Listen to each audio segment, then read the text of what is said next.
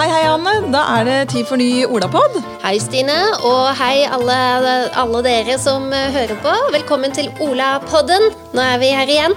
Vi venter på at Henrik Asheim eh, skal poppe opp eh, i Zoom her. Det er altså da vår forsknings- og høyere utdanningsminister. Det er det. Vi har noen spørsmål til han. Vi er ganske spent på Tenk deg det, Hanne. Han har vært forsknings- og utdanningsminister i en periode som har vært ganske spesiell i utdanningssektoren. Hva er det, hva er det eh, forsknings- og høyere utdanningsministeren tenker er viktig for studentene å tenke på i sine studier? Absolutt. Og han har kanskje også noen ideer om hvor fremtiden bringer oss. Hva er hans drømmeuniversitet? Ja, det, kan, det må du stille han. Kanskje. Vi får se. Skal vi se. Ja, vi har en del å spørre om. Du, nå er han, han, han er Der er du. Hører du meg nå, eller? Ja. Ja, glitrende. Der var vi. Der. Hei! Hei! Så gøy at du er her. Klart det. Jeg likte spesielt godt den colaflaska nede i høyre hjørne. Så, du, Ja, så en det er bra, minister ja. drikker cola, altså. Ja. Ja, Det skal jeg love deg. Jeg er helt avhengig av Cola Zero. Så Du pynta deg så fint. Gjør du det hver dag? Jeg må det, vet du. Må være han. Ja. Han med slips. Ja. Ja. Men liker du å gå i slips? Nei, jeg hater det. Men eh, sånn som i dag så har jeg vært i møte med den britiske ambassadøren, og da må du liksom pynte deg litt. da. Sånn er det blitt. Sånn er det Ja. blitt. Hanne, vi må kanskje introdusere oss. Altså, Jeg er Stine, og du er jo Hanne. Dere har jo maila litt. Um, vi jobber jo da med USN sin studentmentorordning.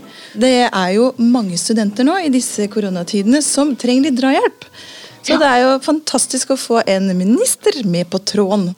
Det er det absolutt. Altså, det er veldig mange Henrik, er du klar til å begynne? Ja.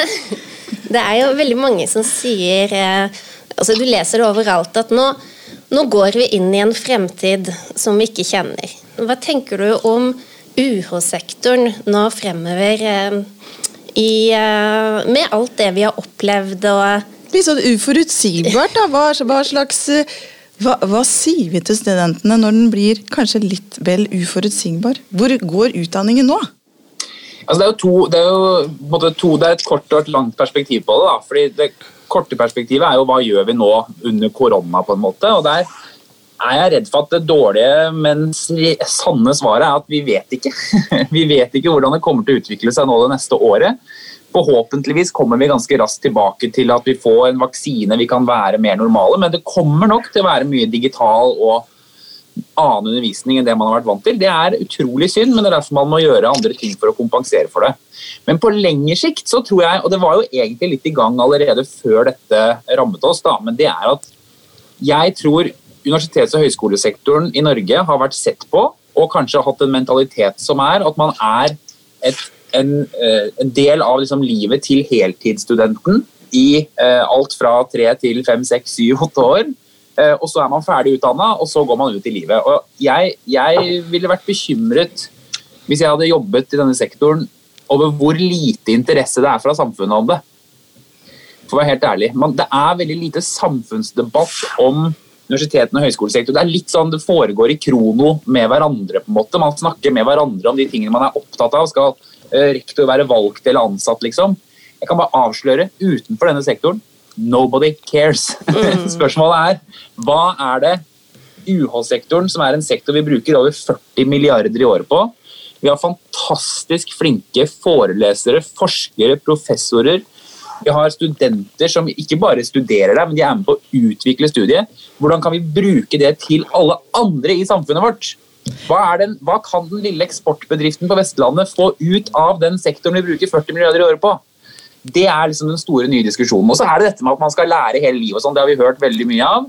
Men, men det er noe ganske viktig med det, og det er at jeg har møtt på mange som har sagt at jeg fikk aldri vitnemålet, jeg.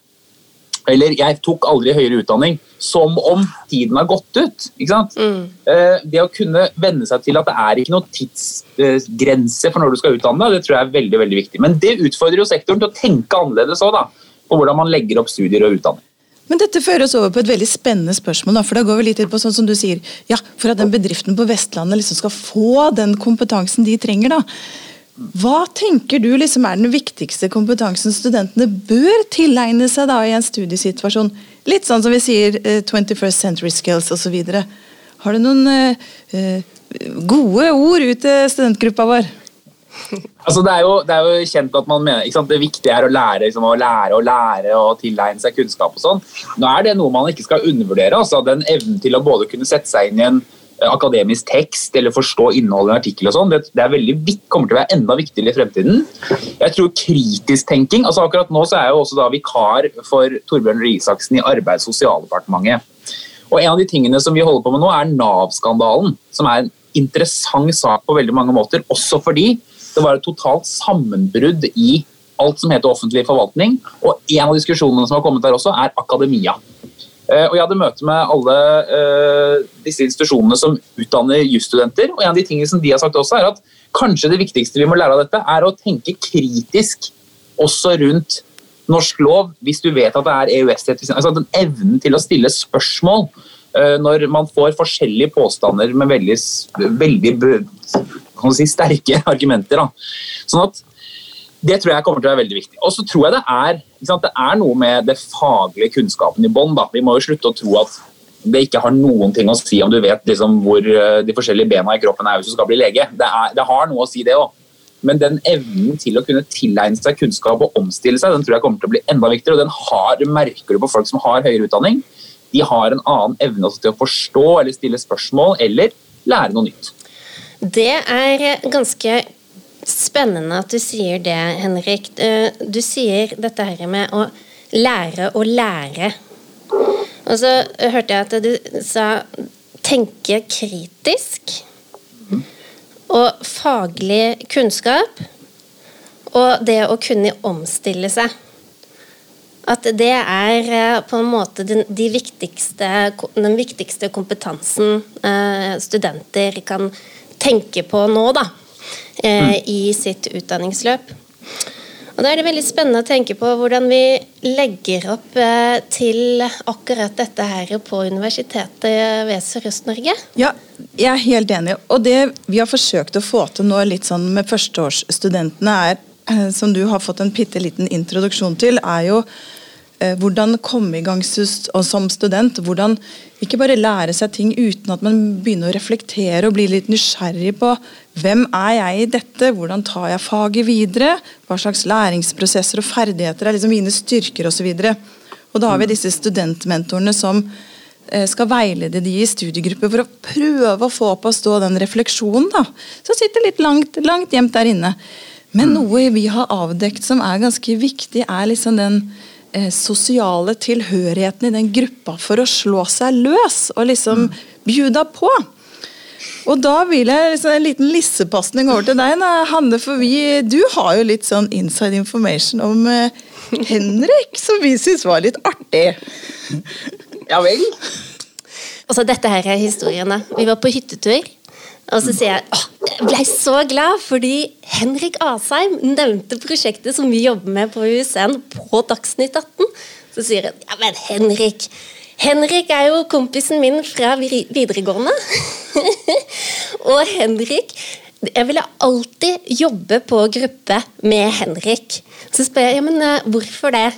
Så sier hun nei, altså Sier det noe om hvis, eh, det at vi skrev særoppgave om humor. Det stemmer, det. Ja, Gjorde dere det? Ja. Hvor, jeg er veldig veldig spent. Hvorfor det? Hva var det? Fordi Jeg har aldri hørt om noen som har skrevet særoppgave om humor før. Nei, altså det vi skrev om, var egentlig litterær humor. Og det var jo fordi øh, det var jo, Dette var jo i 2001, tipper jeg, at vi skrev den særoppgaven. Og da var det jo veldig sånn ironigenerasjonen. ikke sant? Og det var Eh, det var en, egentlig en sånn pågående diskusjon om hva var lov å tulle med, f.eks. Og hvor Harald Eia og Bård Tufte Johansen var liksom i sine glansdager, de utfordret og tullet med veldig mange ting som folk reagerte på. sånn. Eh, så, så, Det var liksom den faglige diskusjonen rundt det. Men så tror jeg nok et motivasjon, i hvert fall for egen del, jeg skal ikke snakke på vegne av eh, Kia, da, som vi kjenner i fellesskap, men det var jo også hvilken bok har du egentlig lyst til å lese hvis du skal skrive en særomgang? Det er jo ikke liksom, det er jo ikke Per Gynt. Det er jo ikke det du har lyst til å lese. Du har jo lyst til å lese Are Kalve. ikke sant? Så, så, det handlet jo også om at å gjøre det kanskje litt lettere for oss selv òg, da. Men det er et interessant diskusjonstema. Fordi Det her syns jeg er veldig spennende. for det, Antageligvis er det ganske mange som skal begynne på universitetet, eh, mm. som hører på oss nå. Og da tenker jeg, når, når du som er forsknings- og høyere utdanningsminister, eh, har tatt disse valgene da, med å, å, å finne, uh, finne, frem bøker som du faktisk har lyst til å lese, og mm. lage rom for å tulle såpass mye at uh, min tullete venninne har lyst til å jobbe sammen med deg, ja. uh, så tenker jeg at det er en ganske stor forskjell å gå fra videregående og skrive særoppgave til å begynne på universitetet. Men mm. veldig mange av de vi har snakka med, sier jo nettopp at denne overgangen kan være så utrolig spennende for ungdommen nå. For nå kan du faktisk velge selv hva du skal dukke ned i. Og du kan skape din egen studietid, og, for, og skape deg nok tid til å tulle og tøyse også. Så det er noe med der, det blikket vi har på universitetet. Det er ikke alltid um, sånn at det, altså, det er ikke alltid så veldig, veldig vanskelig og stort og skummelt som det andre uh, altså, førsteårsstudentene skulle tro. Da. Vi ser, at, vi ser det at uh, de kommer uh, i starten av studiet og tror at de skal kunne så veldig mye. Og er litt sånn redd for å kanskje stille spørsmål, for de tenker at dette her skulle jeg ha visst fra før av. Og da lurer jeg på du, Kjenner du deg igjen i det, eller har du, aldri, har du alltid vært eh, sånn som ikke er redd for å stille spørsmål? Jo, jo, jo. Jeg har veldig ofte sittet og brent inne, og så har noen stilt et spørsmål som jeg egentlig satt og lurte på, som var f.eks.: hva, hva er det du snakker om? eller hva betyr den forkortelsen, eller noe sånt? Mm. Og da hører du lettelsens sukk, ikke bare i ditt eget hode, men i hele salen. fordi det er jo, ikke sant, dette, det, Veldig ofte har det gått litt fort. og så er det litt sånn, igjen, vi bruker jo, ikke sant, Dette er et fantastisk tilbud som man får i Norge. Du kan gå og gruble og lese deg opp og snakke med noen av de flinkeste i landet på det du skal studere. Du må jo spørre! Yeah. Dette er vel poenget! Vi betaler deg til og med for å gå der. Altså, Nå må du spørre! Sånn at, eh, sånn at det, det, mener jeg man skal passe på. Men jeg kjenner veldig godt, særlig kanskje en stor forelesningssal, eller noe sånt, så er det, det er ikke noe skambelagt i at det er litt skummelt å gjøre det. Men jeg skal love deg, hvis du stiller det spørsmålet du tror er dumt, så spør du ikke på vegne av deg selv, du spør på vegne av halvparten av den salen, minst. Så det er veldig lurt å gjøre. Men så sitter jeg og lurer litt på nå, for det, Vi skjønner det at det å komme i gang med å tørre å spørre, det å skape det læringsfellesskapet, det er vanskelig. Og det er kanskje litt vanskeligere enn vi faktisk først eh, trodde. Eh, faglærerne har glemt litt bort eh, hvor komplisert språk de kanskje snakker. Og at studentene trenger faktisk å ha det litt gøy, for dette er en viktig del av studielivet deres. da.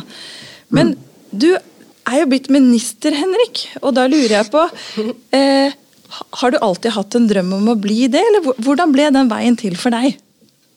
Det ble veldig tilfeldig til, og det tror jeg gjelder for alle som, eh, som blir politikere. for å helt ærlig. Det er så mange tilfeldigheter som skal klaffe på en gang, at det kan du ikke planlegge til uansett. Eh, og Jeg hadde aldri, jeg ikke og tenkte at jeg skal bli politiker, på en måte, men så har den ene muligheten grepet den andre. og så tror jeg at Apropos dette, da, det som jeg lærte etter hvert, og som jeg tror gjorde at jeg kom meg fremover, det var at jeg var veldig åpen om hva jeg ikke kunne. Uh, og det å si det rett ut, dette kan jeg ikke. Det er ikke, noe, det er ikke et svakhetstegn å ikke være best til noe i et rom. Tvert imot, du er god til noe, og noen andre kommer til å være god til noe annet. Og det å ikke ha den garden oppe, det tror jeg er veldig veldig viktig. De største feilene folk gjør, særlig i politikken, for å være ærlig, det er de som har den garden oppe og ikke tør å spørre eller si 'dette skjønte jeg ikke', eller noe sånt. Men jeg, bare, jeg, jeg antar at det er svaret, og så svarer de det, og så svarer de feil og da er mm. helvete løs. Sånn at jeg tror, er, jeg tror, det er, veldig veldig viktig for alle sammen. Det er ingen som forventer at du er et supermenneske. Alle forventer at du kan noe og ikke kan noe annet. Og det å vise at du ikke kan det, gir også enormt mye tillit til de andre rundt i rommet. Og dette gjelder også på gruppe, gruppearbeid. Altså. Det gjelder uansett. Vær kjempeærlig på hva du ikke kan, og tull gjerne med at du ikke kan det. Fordi det, Da kommer det noen som kan det, og de gjør det bedre enn du ville gjort. Henrik, jeg digger det så mye. Og jeg er også eh, en stor eh, forkjemper for mer, eh, åp mer, åpenhet om hva man ikke kan. Mm. Vi begynner å gå mot en eh, avrunding straks, da, ja. og da eh, tør du For jeg synes, vi syns du hadde veldig mange spennende og gode ideer som er litt sånn Jeg vil ikke si nedpå, men det er sånn gjenkjennbart, og det er litt sånn trygt å ha noen som bare er litt ærlig og sier ting høyt, og ikke gjør det så veldig uoppnåelig, på en måte. Mm. Et drømmeuniversitet.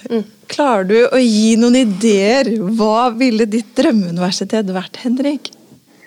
Mitt drømmeuniversitet hadde ikke hatt noen forelesninger før klokken ti. Vi noterer. Det er mål nummer én. Men utover det så er det på en måte Jeg tror at uh, Her tror jeg vi er så forskjellige på måten vi lærer på også.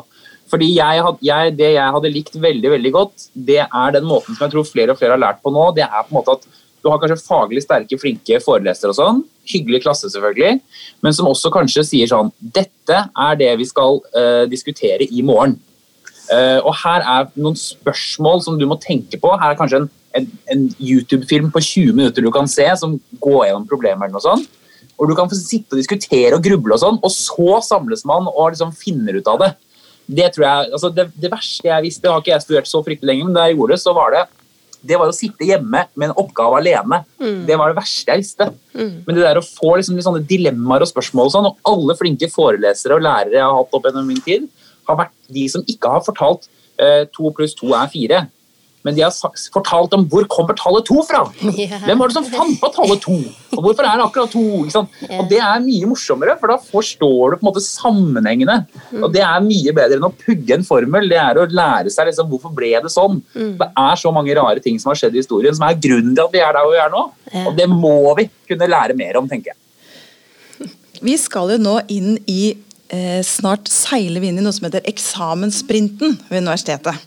Okay. Så nå er vi inne i en sånn liten, sånn ørliten motivasjonsdupp, kanskje. Man har levert noen obligere og noen arbeidskrav rundt forbi, og de kanskje sånn passe, og har man valgt det rette studiet og alt mulig. Men studentmentorene nå, nå skal vi prøve å mobilisere for den store eksamenssprinten. Og nå har jo vi lyst til å ha med deg som en sånn heiafyr. til denne da, ikke sant, drømmestudenten som sitter og sliter litt med motivasjonen der ute akkurat nå. Ah, hva, Har du noen sånne ah, inspirerende eller noen oppløftende ord som vi kan ta med oss og sånn feiende inn i eksamenssprinten? Skal jeg gi et uh, råd som jeg mener er godt, men som sikkert mange vil si er dårlig? Slapp av. Mm. Slapp av? Vet du hva? Helt seriøst. Selv når det er uh, fire dager til eksamen, ta deg en pause, gå ut og drikk en øl med noen venner, og sov til ti dager etter før du skal lese litt igjen. Og det mener jeg helt oppriktig. For jeg tror det der ideen på å stappe huet sitt med ting da kommer du ikke til å lære noen ting, for du går, sitter egentlig mens du leser, du sitter og tenker på hvor viktig det er at du må huske det du har lest nå, istedenfor å bare ta det inn.